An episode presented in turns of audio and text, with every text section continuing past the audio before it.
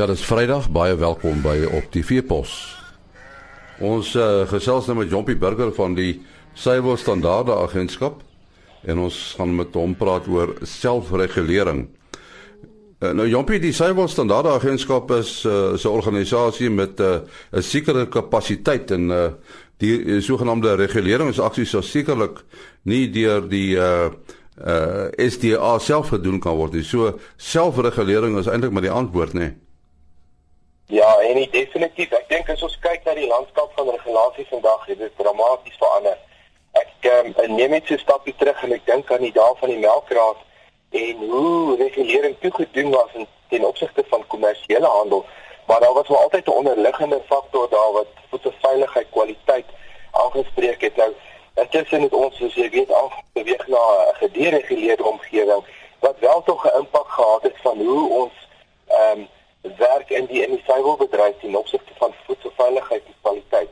Vandag is daar 'n melk ESA met al sy projekte waarvan Dairy Standard Agency of die Suiwelstandardagentskap dan uiteraard 'n baie groot rol by speel.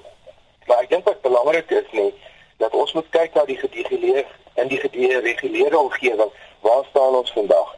Ek dink ek dink voedselveiligheid en kwaliteit is iets wat krities uh, van aard is en ek dink sekerlik een van die twee grootste um, aspekte ten opsigte van voedselsekuriteit um, in ons land vandag. Ek dink die regulatoriese om, omgewing ons vandag daarna kyk, sal ons agterkom is regtig waar multidimensioneel van aard, ehm um, multidissiplinêr beseker en dan sit ons met 'n element van gefragmenteerdheid en en, en regtig waar dis 'n komplekse wêreld vir 'n persoon wat van buite kom en uh, kom sê net maar Jan Alleman en wil deelneem aan hierdie kommersiële bestel en dan agterkom maar dit is 'n geweldige komplekse opset waarin hy eers homself moet ehm um, die van die feite vergewis. Nou kyk ons vandag na hoe die regeringsbestel lyk. Ons sit met die departement van gesondheid, ons sit met die departement van landbou, handelsmetrologie en al hierdie departemente met hulle wette speel 'n rol in die regulatoriese omgewing. Ons kyk na voedselveiligheid en kwaliteitsaspekte. As ek sê nou kwaliteit, dan praat ons van 'n uh, produksamestelling uiteraard. Nou, eerstens, ek dink dis die konstitusionele verantwoordelikheid van die staat om veilige gesonde voedsel te produseer, maar aan die ander kant van die van die draad staan die verwerker en natuurlik die al die rolspelers in die waardeketting wat ook die verantwoordelikheid het om te verseker dat aan die einde van die dag die verbruiker 'n gesonde produk op sy tafel kry. Die vraag is net hoekom ons daarby uit op 'n volhoubare manier die die die konvensionele gedagte hier agter of die die mees tradisionele uitkyk daarop is kom ons doen staatsregulering. En dan verwag ons van die staat om wetstoepassing te behartig en seker te maak dat die produkte op die rak voldoen. Nou dit gebeur maar ons weet dit gebeur nie soos wat dit altyd moet weens menslike hulpbronne kapasiteite uh, wat die staat ervaar. Um, maar ek dink dit is bietjie um, baie eng gesien in die wêreld waar ons leef vandag. Um, Ons moet kyk na aspekte van selfregulering. Wat doen ons as 'n bedryf om seker te maak dat ons deurgangs doen wat ons moet doen om voedselveiligheid en kwaliteit te verseker? Nou, dit is een aspek, maar om 'n werkbare oplossing op die tafel te sit, moet ons ook sekerlik kyk na ons weet wat die staat moet doen, ons weet wat ons moet doen, maar aan albei kante is daar 'n beperking. Daar's bepaalde faktore wat dit nie altyd so haalbaar maak nie. En 'n uh, wesenlike of 'n heel moontlike oplossing hiervoor kan kom uit die gedagte van gesamentlike regulering. Nou die gedagte agter uh, gesamentlike regulering is nie dat die die die die die industrie die werk van die staat moet oorneem en vir die staat voorskrifklik raak nie, maar eerder laat ons fundamenteel kyk na daardie raakpunte wat ons kan oor praat wat nodig is om die bedryf se volhoubaarheid te verseker. Hoe kan ons saamwerk waar die staat dan die wetstoepassingsgedeelte met ander woorde hy dra die mag maar die kom die die die ehm um, die private sektor die die veilbedryf en hy kom met 'n selfregulerende aspek waar hy na homself kyk ten opsigte van wat sê die wet en wat sê bykomende standaarde en ons bring dit bymekaar en ons doen op 'n vrywillige basis al dit wat ons moet doen om seker te maak dat voedselveiligheid word verseker in die einde van die dag. Nou ek het genoem hulpbronkapasiteit vir die staat is 'n wesenlike probleem. Ons sien hoe ervaring en vakkundigheid in die staat staan en ek dink um, ons het 'n wesenlike probleem as ons kyk oor na die vlak van dissipline wanneer dit kom by ehm um, jy weet 'n 'n werkskops wat nie altyd gewillig is om om om om die wet toe te pas en te implementeer soos hulle moet nie. Maar ek dink dit is nie vir die bedryf die geleentheid om te sê, "Wel, ehm um, dit laat ons nou maar die water oor die akkers loop nie." Ek dink dit is belangrik dat die industrie hierdie guldige geleentheid om sy posisie op te neem en te verstaan dat die staat het nie meer die kapasiteit nie, maar dat hulle ook bereid is om saam te werk. Wat sien ek agter die skerms hier? Wêreld, 'n bedeling waar die industrie na vore kom, hande vat met die staat en so 'n werksomgewing skep waar ons die staat van um, tegniese inligting voorsien. As dit by al hierdie aspekte van hoe wat wat moet in die regulasies staan om die saak van die bedryf te bevorder? Hoe hoe kan ons tegnies na ehm um, die bewoording van regulasies kyk? Ehm um, om seker te maak aan die einde van die dag het ons 'n volhoubare industrie.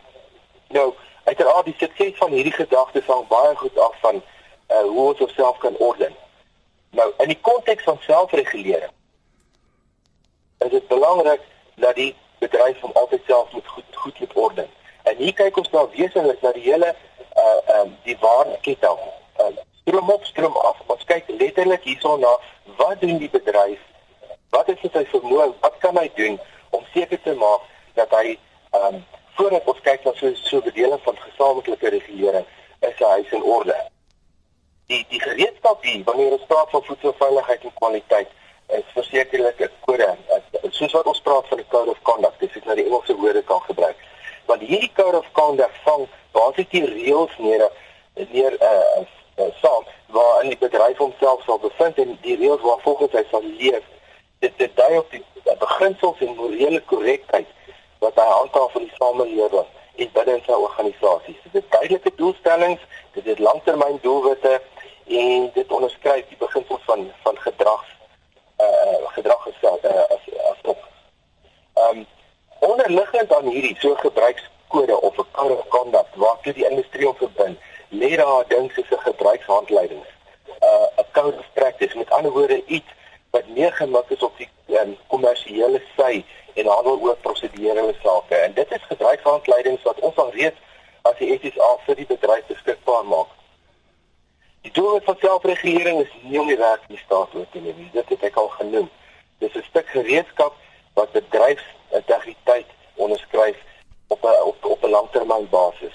En dit dit kom uit die uh, vanuit 'n bodem en dit moet regtig waar gesien word as 'n kollektiewe benadering gemik op die handhawing van van hoë standaarde en dat uiteraard ook 'n regtevare kultuur van voldoening. En hierdie goed hierdie goed is vir ons baie belangrik. Ons moet nie werk het 'n milieu waar ons probeer reaktief optree nie. Selfregulering is 'n baie sterk proaktiewe komponent. En dit gaan nie oor wat sê die kleinhandel probeer hulle ons dikteer wat ons moet doen nie. Of dit die onvermoë wat werklik waar ons lei hierna toe. Ons moet um, ons moet nie goed doen en dan die wet probeer voldoen om uit die moeilikheid uit te bly. Dit is nie die die manier waar ons onsself wil vind nie. Ons moet proaktief lewe eerder as reaktief. Ons sal in baie opsigte sien dat die staat is baie meer reaktief georiënteerd as proaktief. En dit is waar ons 'n fundamentele rol kan speel. Ons is regtig waar op soek na 'n milieu waar die industrie kan beweeg ten opsigte van navorsing en ontwikkeling, innoverende gedagtes, nuwe tegnologie sonder dat die staat ons belas met oorregulering omdat ons nie ons huis in orde het nie. So is regtig wel nodig vir die bedryf om hierdie konsep um, hierdie filosofie agter volhoubaarheid te verstaan en en die konsep van selfregulering as 'n bedryf gesamentlik te ondersteun. En en bestaan die wil reeds by die bedryf om dit so te doen? Ek ek ek glo so nie. Ek dink dit is ehm um, die begin van geld van dat ons moet deursigtig werk, ons moet saamwerk, dis 'n kollektiewe benadering en ek dink veel meer kan nog gedoen word om te besef wat is die impak van selfregulering in die konteks van volhoubaarheid. So ek kan regtig maar sê die SSA en Melk SA en al sy projekte doen 'n uh, geweldige klomp werk, maar ek dink die sleutel tot tot sukses gaan lê laat ons moet regtig maar seker maak dat ons bly op die voorpunt, op die voorfront van ontwikkeling en uh, wat kan ons regtig waar as 'n bedryf doen om ons saak te bevorder. Wat is die geval in lande soos Amerika, Brittanje en so aan? doen hulle ook selfregulering? Ja, ek ek dink ons het baie mooi voorbeelde wat kom uit uit uit Engeland en ons kan sien Australië het selfs baie baie mooi modelle waar dit gaan oor selfregulering. Die voordeel wat die lande het is dat hulle infrastruktuur is baie sterk. Hulle staatsbestel en hulle wetstoepassingskomponente funksioneer baie goed teen teenoor wat ons in Suid-Afrika ondervind. Aan die ander woorde daar's 'n baie meer sterker balans tussen die staatsregulering en selfregulering. So ons ons ons weet waar die swakpunte lê, maar ons moet um, dit sien as 'n uitdaging en daarna toe werk om om suksese te bereik. Jompie Burger van die Civil Standaarde Agentskap. Maandagoggend is ons terug. Tot dan, mooi loop. Ah.